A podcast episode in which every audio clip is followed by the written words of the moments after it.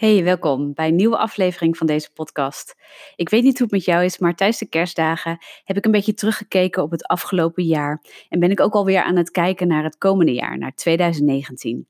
En wat ik dan heel erg interessant vind, is hoe mensen en ik ook zelf omgaan met dromen en doelen. En wat de cijfers ook laten zien, is dat heel veel mensen nieuwe uh, doelen stellen voor het nieuwe jaar, maar vaak de eerste vier weken al heel snel die doelen weer laten varen. En heel vaak denk ik na, ook omdat ik mensen train en coach en dit soort dingen, is wat beweegt hen nou om die doelen te stellen, maar wat maakt het nou dat veranderen zo moeilijk is? Want dat is er ligt ten grondslag aan de doelen die we graag willen behalen. En dat maakt vaak ook uh, het verschil tussen of we doelen wel of niet halen een aantal essentiële punten die maakten dat we die verandering die nodig is om nieuwe doelen in ons leven te stellen ook haalbaar is. Ik neem daarom met je door in deze aflevering een deel van het boek van Ben Tigelaar, De Ladder, uh, met de ondertitel Waarom veranderen zo moeilijk is en welke drie stappen wel werken. Ga daar lekker voor zitten en heb veel inspiratieplezier van deze komende aflevering.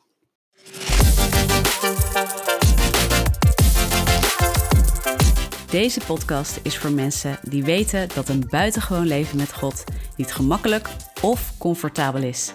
Het is zoveel beter dan dat. Dit is de Made for More podcast en ik ben Tessa van Olst, je host.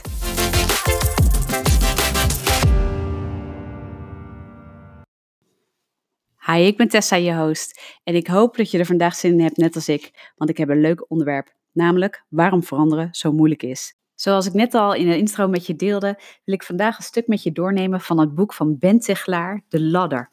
En de ondertitel is dus Waarom veranderen zo moeilijk is en welke drie stappen wel werken. Nou, hoe kom ik er nou op om dit boek te pakken? Ik, uh, ik kwam er eigenlijk per toeval op. En ik geloof niet helemaal in toeval. Maar ik was uh, uh, met de kerst nog wat inkopen aan het doen. En ik, uh, ik liep een boekenwinkel binnen en ik zag dit boek liggen. En uh, ik ben een beetje bekend met Ben Tegelaar en zijn achtergrond. Hij is uh, uh, hij, hij, bestudeert eigenlijk leiderschap en verandering, de wetenschap rondom gedrag en verandering uh, en dat soort zaken. En hij is ook volgens mij ook echt verandercoach binnen management en leiderschap en doet dat al meer dan 30 jaar. En hij heeft heel veel kennis als het gaat over veranderen, doelen stellen, je dromen behalen. Um, en zeker als het gaat over zakelijk succes ook. En ik vond het heel interessant omdat ik zijn boek dus trof. En, um, en zo had van ja, weet je, we gaan richting 2019. Ik ga zelf ook richting 2019. En ik ben ook weer aan het terugkijken op het afgelopen jaar.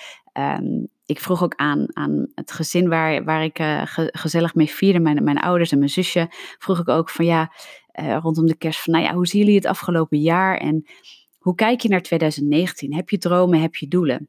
En het mooie aan mijn ouders vond ik is dat die vooral heel erg dan gaan spreken over de toekomst die ze zien voor mijn zusje en mij. En, maar ik vroeg ze ook heel specifiek, wat zijn de dromen en doelen voor je eigen leven nog? En ja, ze hebben heel mooie, heel mooie visie op hun leven. Ze zijn heel tevreden, ze zijn gezond, ze zijn heel dankbaar. En ik heb echt fantastisch mooie ouders waar ik echt een uh, enorm voorbeeld aan kan nemen. En uh, ja, ze zijn gewoon, die zijn echt gewoon gelukkig. En dat, dat inspireert ook, want je gaat je dan ook afvragen, waar houden dit soort mensen, in dit geval mijn ouders, mee bezig? Dat ze dat geluk hebben, dat ze zo dankbaar zijn, dat ze zo genieten van het leven. En, uh, en deels is dat natuurlijk gegeven. En dat zeggen ze ook, we zijn heel dankbaar voor het leven wat we hebben gekregen, waar we wonen, uh, dat we in Nederland zijn geboren, dat wij uh, zelf ook uh, uit een goed gezin komen, de dingen die, die, die ze hebben meegemaakt. Um, andere kant zeggen ze ook van ja, het is ook een keuze hoe je omgaat met bepaalde dingen in bepaalde situaties en de mindset, hè, de, de manier waarop je kijkt naar het leven en ook durft uh, te leren. En nou ja, goed, daar, hadden we het, um, daar hebben we het vaker over. Maar heel specifiek, afgelopen dagen vroeg ik hen van hoe zie je 2019 voor je? En daar hadden we het zo over. En een van de dingen wat mij triggerde was ook dat ik dit boek tegen het lijf was gelopen uh, afgelopen week. Ja, dus het boek van Ben Tegelaar. En hij beschrijft daar eigenlijk in dat hij, hij in zijn. Uh, en ik ben de eerste hoofdstukken aan het lezen, dus ik ga uh, nog wat vaker. De komende podcast ga ik nog wat van, van zijn boek delen. Um, maar ik wilde het eerste deel ook al met jullie delen, omdat ik dat al vrij inspirerend vond. En naar 2019 heel erg leuk om je daar al over te buigen. En wat hij eigenlijk doet, is hij brengt het, het verhaal van veranderen terug naar drie hele simpele stappen. En dat doet hij aan de hand van het feit van uh, je doelen halen. En hij zegt dus ook bijvoorbeeld in, in zijn eerste uh, hoofdstuk: mooie plannen en goede voornemens zijn in al deze situaties niet genoeg. Een geweldig plan dat je niet uitvoert is evenveel waard als geen plan. En dat is treffend. Dat weten we eigenlijk wel, dat horen we misschien wel vaker. Um, Weet je, dus als je leuke voornemens hebt, mooie doelen, mooie plannen, dat, dat betekent eigenlijk uiteindelijk niks als je geen uh, plan hebt wat je tot uitvoer brengt. Uh, waardoor eigenlijk die dromen en doelen leeg blijven en ergens op de plank blijven liggen en helemaal niet tot uitvoer komen, nooit meer in je leven zullen manifesteren. En ik moet dan ook eigenlijk denken aan wat de Bijbel bijvoorbeeld zegt. En uh, deze podcast heel vaak uh, probeer ik uh, hier en daar wat, wat, wat Bijbel en wetenschap te combineren in de achtergrond van, van wat we hier bespreken. En nou, Ben Tigelaar is ook iemand die, die zich ook veel bezighoudt met de wetenschap. En hij is ook een gelovig man, dus hij haalt ook echt wel heel veel dingen uit de Bijbel. Dit boek wat hij heeft geschreven is heel, heel neutraal, heel seculier. Um, zijn gericht op management en, en nou ja, gewoon op veranderen. Dat vind ik dan echt wel heel erg uh, interessant, überhaupt natuurlijk. Als je met doelen uh, en dromen bezig bent, is dit een heel interessant boekje om te lezen. Omdat hij ook de, het talent heeft om dingen heel simpel weg te zetten. Ik hou daar zelf wel van. Ik hou van praktisch en ik hou van simpel. Dus ik, ik ga ook heel snel door boeken heen die op die manier geschreven zijn. En ik zie dat ook aan zijn schrijfstijl, is dat hij dat eigenlijk ook heel erg beoogt wat hij ook noemt in, uh, in een van zijn hoofdstukken is dat hij uh, in gesprek met iemand anders er ook achter komt van ja, er zijn eigenlijk heel veel ingewikkelde modellen. En hij haalt dat dan heel erg uit ook uh, bedrijfsleven, zeg maar, waar heel veel managementmodellen zijn of verandermodellen, de veranderpsychologie die daarachter zit. Met zoveel ingewikkelde stappen dat je ongeveer al een, dat zegt hij heel mooi, een coach moet hebben voordat je het überhaupt kan gaan begrijpen en uitleggen in je team hoe je dat dan gaat doen. En je kunt je voorstellen hoe ingewikkelder iets wordt, hoe moeilijker het wordt om uit te voeren. En hoe vaker het ook gebeurt dat dingen niet tot stand komen. En dat haalt hij, dat brengt hij dus ook terug naar uh, hoe je persoonlijk ook doelen stelt in je leven. En wat hij dus eigenlijk wil beogen is dat je het dusdanig simpel moet gaan maken. En zijn model is dus de ladder. En die ga ik je dus uh, in deze podcast, deze aflevering, ga ik je vertellen wat hij daarmee bedoelt. Maar hoe simpeler je het maakt, hoe makkelijker iets tot uitvoer te brengen is. Nou, dat weten we eigenlijk misschien ook wel. Alleen het hoe erachter is niet altijd voor ons makkelijk te vinden. Nou, hij uh, beschrijft met het model van de ladder eigenlijk drie punten. Waar hij van zegt, als je dat nou heel helder kunt neerzetten en je kunt dat regelen in je leven voor jezelf rondom een doel, dan, um, dan, breng je dat gewoon ook makkelijker tot uitvoer. En die drie punten die ga ik vandaag met je doornemen. En um, dat ga ik doen aan de hand van um, ja, van het boek zelf, waarin hij eigenlijk in zijn intro zegt, er zijn eigenlijk drie treden. Er zijn drie treden die je kunt bewandelen. Nou, die drie treden, die ga ik dus punt voor punt even met je doornemen. Maar eerst wil ik met je doornemen waarom we nou eens zo graag willen veranderen. En dat is ook precies wat Ben Tichler aanhaalt. Waarom willen we nou veranderen? Waarom is veranderen nou zo belangrijk? Wat hij eigenlijk aanhaalt voor de meeste mensen is dat er een bepaalde onvrede is in je leven dat er een bepaalde frustratie is of iets wat je maar niet ziet gebeuren in je leven, of bang om achterop te raken. Ehm, het gevoel dat je geleefd wordt, uh, dat je overspoeld wordt. Um, weet je, dat soort dingen. Of dat je, dat je maar elke keer blijft aanlopen tegen bepaalde dingen in je leven. Frustratie die, die ontstaat. Dat zijn vaak dingen die de reden zijn, de drive, om, om iets te willen zien veranderen. En vaak willen we dan wel wat veranderen en kunnen we ook wel bedenken hoe we het zouden willen zien, of vooral wat we dan niet meer willen zien. Maar we weten niet altijd hoe we er moeten komen. Dus wat goed is als je nou toch naar 2019 gaat kijken, want ik wil het ook gelijk praktisch maken voor nu, als je toch zit te luisteren, is dat je eens kijkt van oké, wat heb ik nou in 2018 misschien nog gehad op, op structurele basis of wat heel vaak terugkomt, waarin ik me frustreer of waar ik onvrede over heb, waar ik ongenoegen van heb, uh, wat elke keer in your face terugkomt als het ware, wat je een gevoel van frustratie geeft of dat je denkt ik moet daar wat mee, ik moet daar wat mee, maar ik weet misschien niet hoe. En misschien weet je ook wel wat je niet meer wil, maar weet je ook niet wat je wel wil. En daar gaan we dan ook op in van hoe kom je daar nou dat je, uh, dat je een simpel stappenplan eigenlijk krijgt. Um, waardoor je dus iets kan gaan omdraaien in je leven.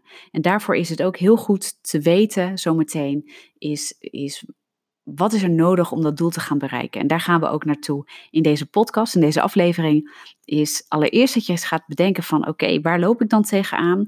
Of wat wil je heel graag zien ontstaan in je leven? Want het kan ook vooral een passie zijn. Uh, wat heel erg bij je leeft, hè? dus vanuit een, een, positieve drive. Maar heel vaak willen we iets zien veranderen vanuit een frustratie of een vastlopen. Of iets waarvan we denken, ik sta stil, ik moet iets anders in mijn leven, want ik, ik ga achteruit. Hè? Of ik, ik, ik mis iets, of ik ga achterop raken. Er moet iets veranderen in mijn leven. Denk daar eens over na. En um, dan gaan we gelijk door met dat wat Ben Tichelaar in ieder geval in zijn boek adviseert. Om dan de stappen uh, te doorlopen via zijn ladder uh, die je gaat brengen tot, als het goed is, een positief verandergedrag wat je ook kan gaan vasthouden. Oké, we gaan dus even naar die ladder kijken van Ben Tegelaar. Ben Tegelaar heeft het over een ladder met drie treden. En hij wilde mij eigenlijk een heel simpel model neerzetten voor iets wat ingewikkeld lijkt, namelijk het veranderen. En hij stelt ook heel duidelijk, weet je, we kunnen heel duidelijk echt wel veranderen. Het is heel vaak ook te zien in ons gedrag dat dingen heel makkelijk veranderd worden, maar er zijn een paar ingrediënten voor nodig. En als je dus heel doelbewust wilt gaan veranderen, is het vaak in een gebied waar je voorheen nog niet echt of de verandering hebt gezien, of het is in ieder geval nog niet gelukt. Nou, als je dat ervaart en je wilt heel graag verandering zien, luister dan even met me mee. De eerste treden waar Ben Tigelaar het over heeft, is het doel dat je wil gaan nastreven. Oftewel, de uitkomst, het resultaat, de ontwikkeling die je wilt zien. Bijvoorbeeld, hij, geeft hier een voorbeeld, ik wil minder stress en meer plezier in mijn werk.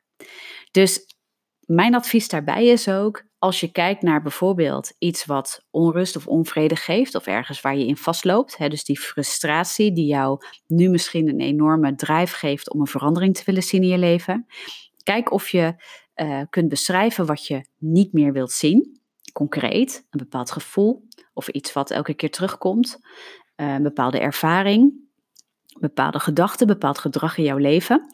En kijk of je kunt gaan beschrijven wat het tegenovergestelde gedrag is.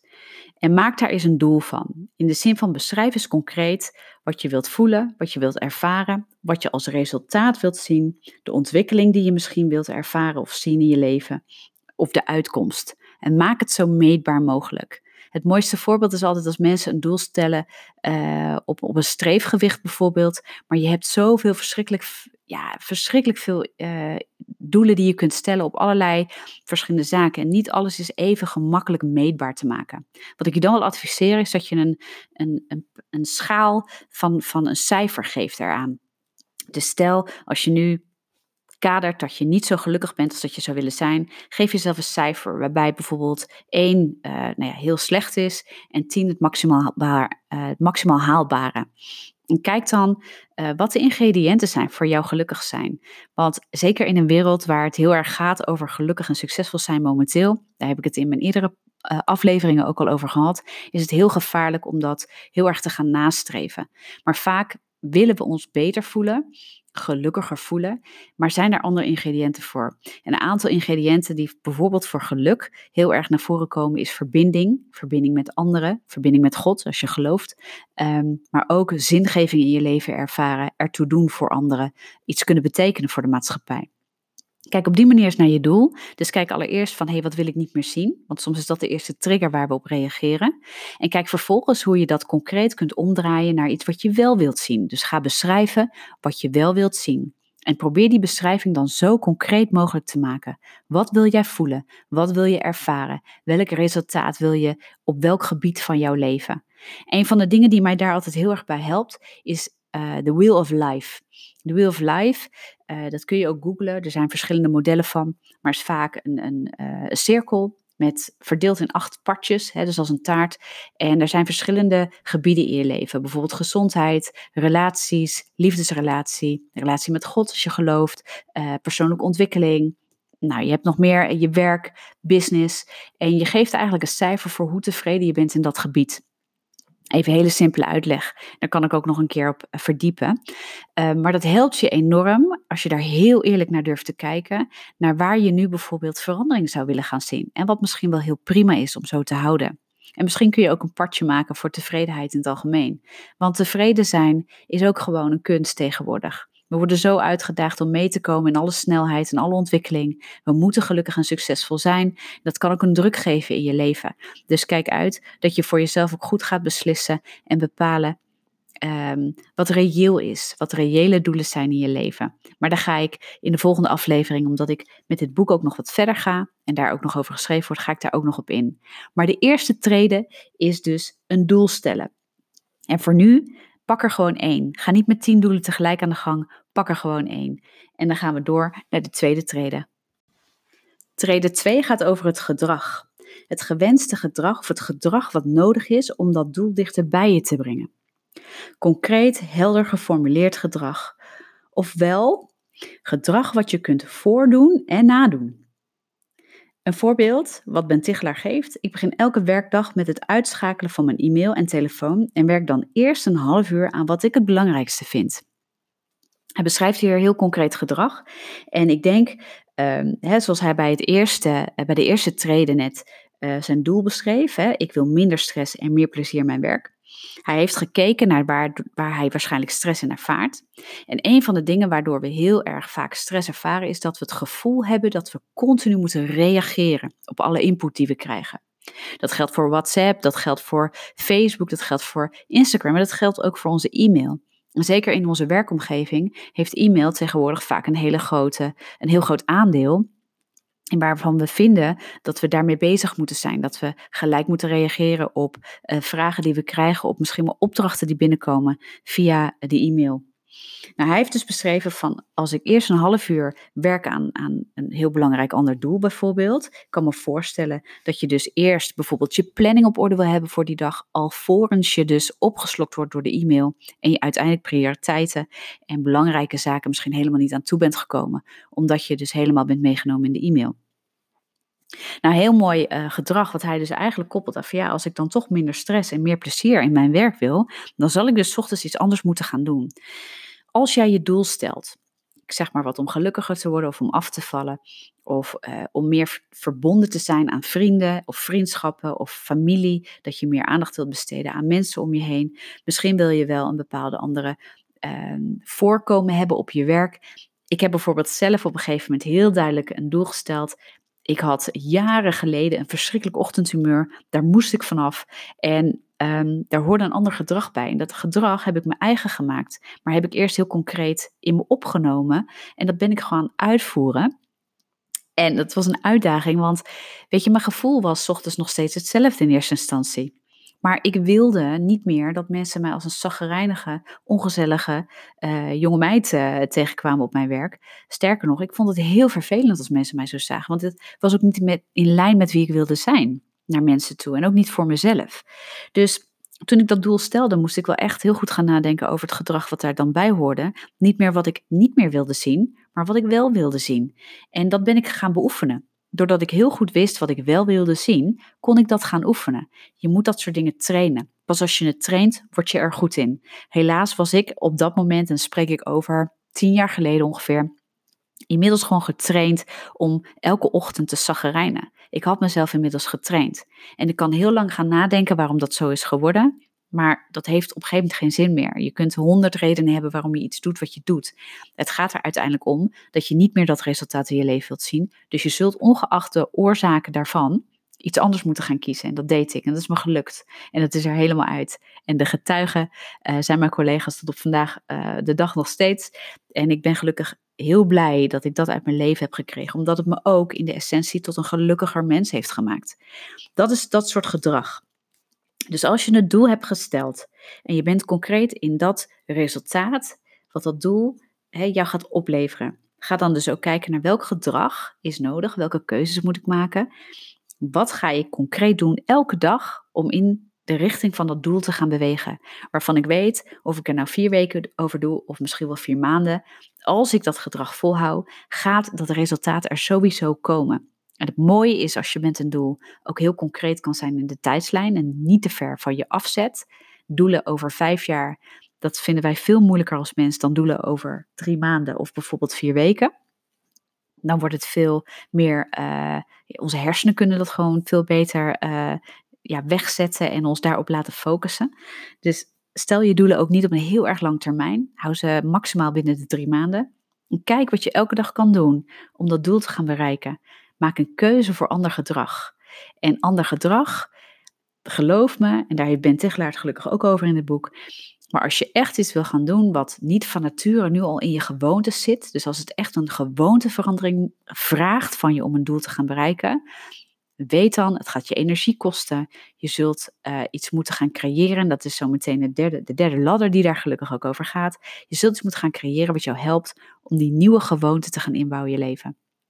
Dus trade 2, het gedrag dat nodig is om dat doel dichterbij te brengen.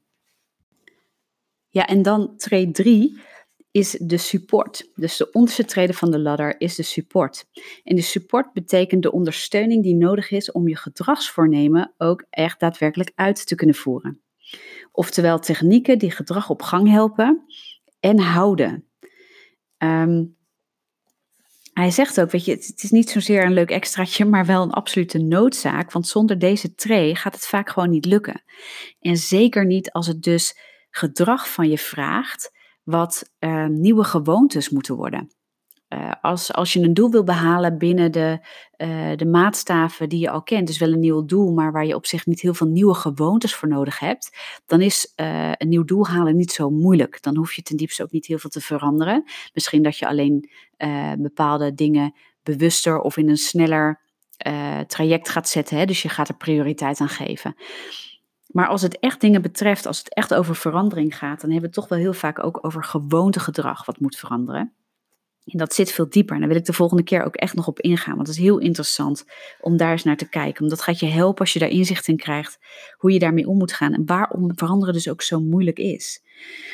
Um, wetenschap, en dat haalt Ben Tichelaar dus ook aan. Wetenschap heeft aangetoond dat omgeving waar we in zijn, werkomgeving, gezinssituatie, ons huis, uh, daar waar we sporten, daar waar we komen, de mensen waar we mee omgaan, die we veel zien en veel invloed hebben in ons leven, de dingen waar we naar luisteren, je tv, je radio, al die dingen, dat behoort tot onze omgeving.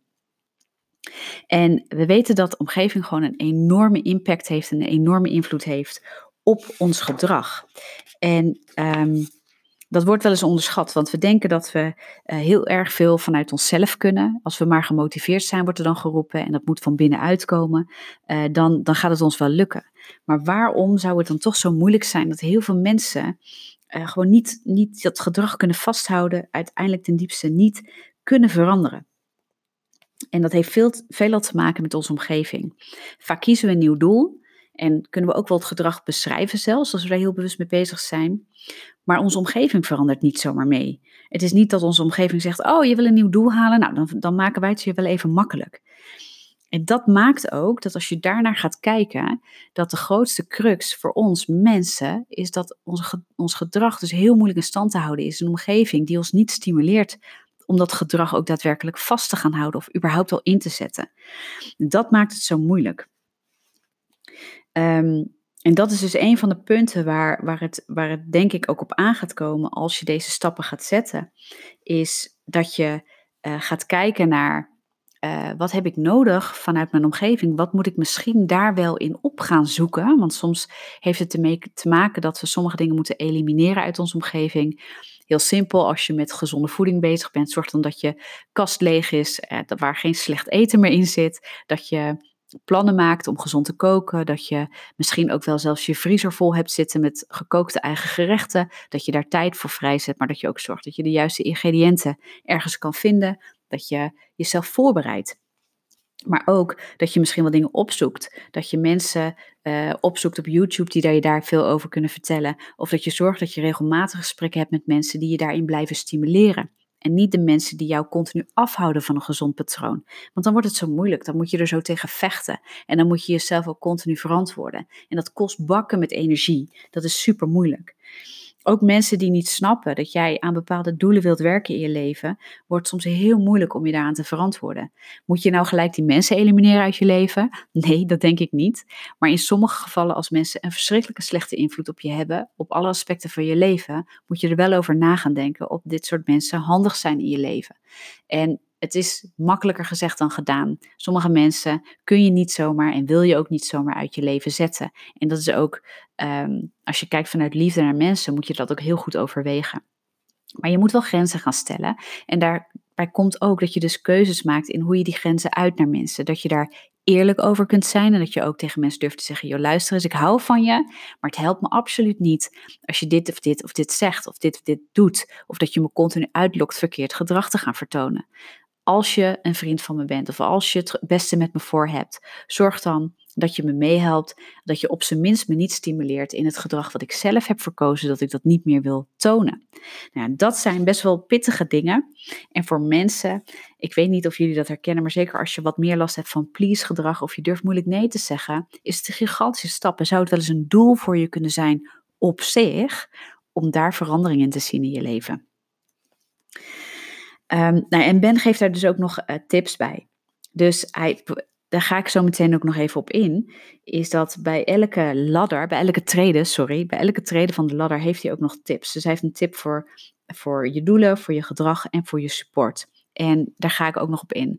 Maar kijk dus ook echt naar dat supportstuk in je leven. Ik heb zelf gemerkt dat dat denk ik wel de grootste impact heeft. Ik kan best wel heel concreet dingen beschrijven, maar ik merk als ik niet zorg dat ik in een omgeving ben, of die omgeving kun je namelijk ook deels zelf creëren, een van mijn dingen die ik bijvoorbeeld moet creëren en waar ik heel bewust mee bezig ben geweest, is ook dat mijn huis op orde is. Weet je, als je een rommelig hoofd hebt, heb je vaak ook een rommelig huis. En als ik mijn huis op orde hou, hou ik mijn hoofd op de een of andere manier ook meer op orde. Dus het heeft ook een wisselwerking. Omgeving heeft invloed op jou, maar jij kunt ook uiting hebben uh, en impact hebben op je omgeving. En dat gaat dus ook een wisselwerking geven. Dus onderschat de mogelijkheid daarin niet. En daar wil ik je echt in motiveren vandaag. Dus beschrijf je doel. Kijk welk concreet gedrag daarbij hoort. Maar kijk ook wat je nodig hebt vanuit je omgeving en de mensen om je heen. Om je daarheen te zetten. Om je daarheen te krijgen. En dan gaan we zo meteen door naar de tips die Ben ook nog geeft. En dan ronden we deze aflevering af. Oké, drie tips. De eerste tip over de eerste tree. Een doeltip. Formuleer het doel waar je naar streeft zoveel mogelijk in termen van persoonlijke ontwikkeling en niet in termen van alleen maar wat je wilt presteren. Oftewel een ontwikkeldoel in plaats van een prestatiedoel. Nou, zeker in Nederland moet ik je zeggen, vind ik dat een fantastische tip. Ontwikkeldoelen blijken namelijk vaak veel effectiever dan prestatiedoelen. En dat geldt zeker vooral bij verandering. Ze helpen je onder meer om fouten onderweg te ervaren als leren in plaats van falen. Ik ga je dat nog een keer zeggen. Een ontwikkeldoel richt zich er veel meer op dat je, als je fouten maakt, dat je dat erkent als een leermoment en niet zozeer als een moment van falen. En een prestatiedoel geeft je heel snel het idee dat je faalt op het moment dat je iets niet behaalt. Uh, en dan, dan heb je dus ook uh, dat je heel snel in teleurstellingen valt en wilt opgeven. En dat is heel demotiverend. Um, geeft een mooi voorbeeld. Een sporter die moet presteren en zijn doel mist, raakt in paniek. Een sporter die mag leren blijft kalm en houdt zichzelf voor de volgende keer iets lager mikken. Mooi voorbeeld. Ik denk als we, uh, er zijn meerdere wetenschappers die daar onderzoek naar hebben gedaan. En het wordt ook wel het verschil tussen een groeimindset en een fixated mindset uh, genoemd. Gefixeerde mindset. En een groeimindset zegt eigenlijk tegen zichzelf: ik wil me ontwikkelen en ik wil mijn doelen bereiken. En onderweg kom ik obstakels en belemmeringen tegen. Uh, maar ik vind altijd mijn weg richting mijn doel. Ik zal fouten maken en uh, ik zal het niet altijd goed doen. Maar vanuit dat moment van fouten maken zal ik altijd uh, kiezen dat ik kan leren van dat moment. En dan zal ik mezelf verbeteren en investeren in die verbetering, zodat ik uiteindelijk het doel ga bereiken. Iemand met een gefixeerde mindset, die uh, ziet eigenlijk alles als een grote prestatiedrang. En als het niet lukt, dan faalt de persoon. En niet alleen, uh, niet alleen um, de taak, want dat merk ik, heb ik ook in mijn leven wel eh, vaker gemerkt, maar ook bij mensen die heel erg faalangst hebben. Zij falen ook direct altijd als persoon. Als iets niet lukt, als ze een doel hebben gesteld, bijvoorbeeld op school of in het werk, dan falen ze ook echt als persoon op het moment als hen die taak niet is uh, gelukt. En dat is natuurlijk best wel een enorme impact op je persoon, op je identiteit. En als je dat heel veel op die manier ervaart, ga je ook, als je niet uitkijkt, bij jezelf een soort minderwaardigheidscomplex of een soort dus hele sterke onzekerheid ontwikkelen. Dus een doeltip is echt, ga ontwikkeldoelen stellen in plaats van alleen maar prestatiedoelen. En zie jezelf als iemand die mag leren in alles wat je doet. En ehm, de tweede tip gaat over gedrag, gedragstip. En daarvan zegt Ben eigenlijk, begin altijd met gedrag waarvan je 100% zeker weet dat je het kunt uitvoeren. Vertaal het zo nodig in hele kleine stapjes, en, ehm, zodat je het ook kan behappen. Zodat je ook kan zien van oké, dit lukt me elke keer. En zodat je ook dat gevoel van hey, dit lukt, dat, die succeservaring die je dan hebt, ook meer opbouwt als dat je continu er tegenaan loopt dat dingen niet zouden lukken. Dus hou het klein. Besluit bijvoorbeeld als je uh, s ochtends meer uit je ochtend wil halen, minder stress wilt voelen in je ochtend, he, minder gehaast, minder snel, snel, snel. Uh, begin dan bijvoorbeeld dat je um, niet zozeer, stel dat je doel is dat je, dat je een half uur eerder nodig zou hebben op je ochtend. Begin dan gewoon met één of twee minuutjes eerder opstaan. Elke ochtend en breid dat uit tot een half uur. Uh, en ervaar elke keer dat je dat lukt. Um, Weet je, net als het stoppen met snoezen. Stop eerst met snoezen. Ga eerst leren jezelf van oké, ik wil straks een half uur meer in mijn ochtend hebben. Maar ik stop eerst eens met misschien snoes je zes keer, hè? dat kan. Ga dan eerst eens naar vijf keer en ga dan eens naar vier keer. En daar zit vaak al tien minuten tussen of zo. Ik weet niet hoe lang je dan kan snoezen s ochtends. Maar stel dat, stel dat je dat doet. Ga jezelf eerst soort aanleren dat je dat niet nodig hebt. En tegelijkertijd win je al meer tijd. Maar als je gelijk nooit meer mag snoezen, terwijl je gewend bent zes keer te snoezen in de ochtend, en je moet er gelijk drie kwartier eerder uit in plaats van uh, wat je normaal eruit komt, dat is heel pittig. En grote kans dat dat je niet lukt en dat je er heel erg tegen ingaat. Maak het klein. Begin met kleine stappen, een minuutje, twee minuutjes. Begin met één keer snoezen minder als je gewend bent heel veel te snoezen.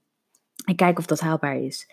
Hou het klein. En begin met de dingen waarvan je weet, dat kan ik. Voelt misschien niet fijn om het te doen, maar kan het wel. En als je dan gaat ervaren, hé, hey, dat, dat heb ik ook elke keer gedaan, dan gaat het ook motiveren om het vol te houden.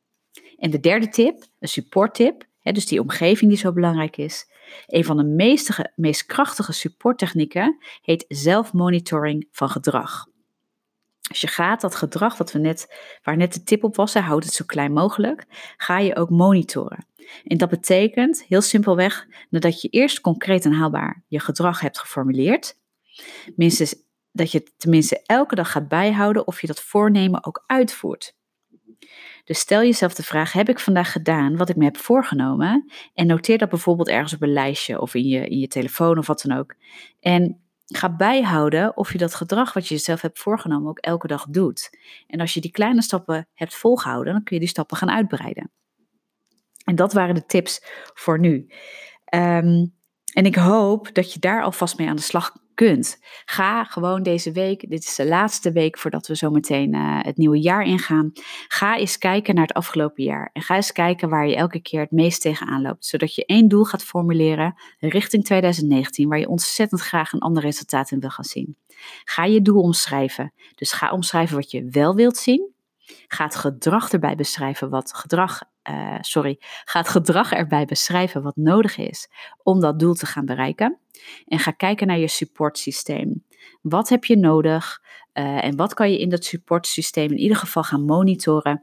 Uh, wat heb je nodig van mensen om je heen? Of wat zou handig zijn als je dat gaat toepassen in je omgeving? Misschien gaat het over voeding, misschien gaat het over sport, misschien gaat het over andere dingen wat mensen tegen je zeggen, dat je misschien grenzen moet gaan stellen, of misschien wel van mensen moet gaan vragen: kun je me helpen? Kun je me daarin stimuleren? Kun je me daaraan herinneren? Eén keer in de week of elke dag.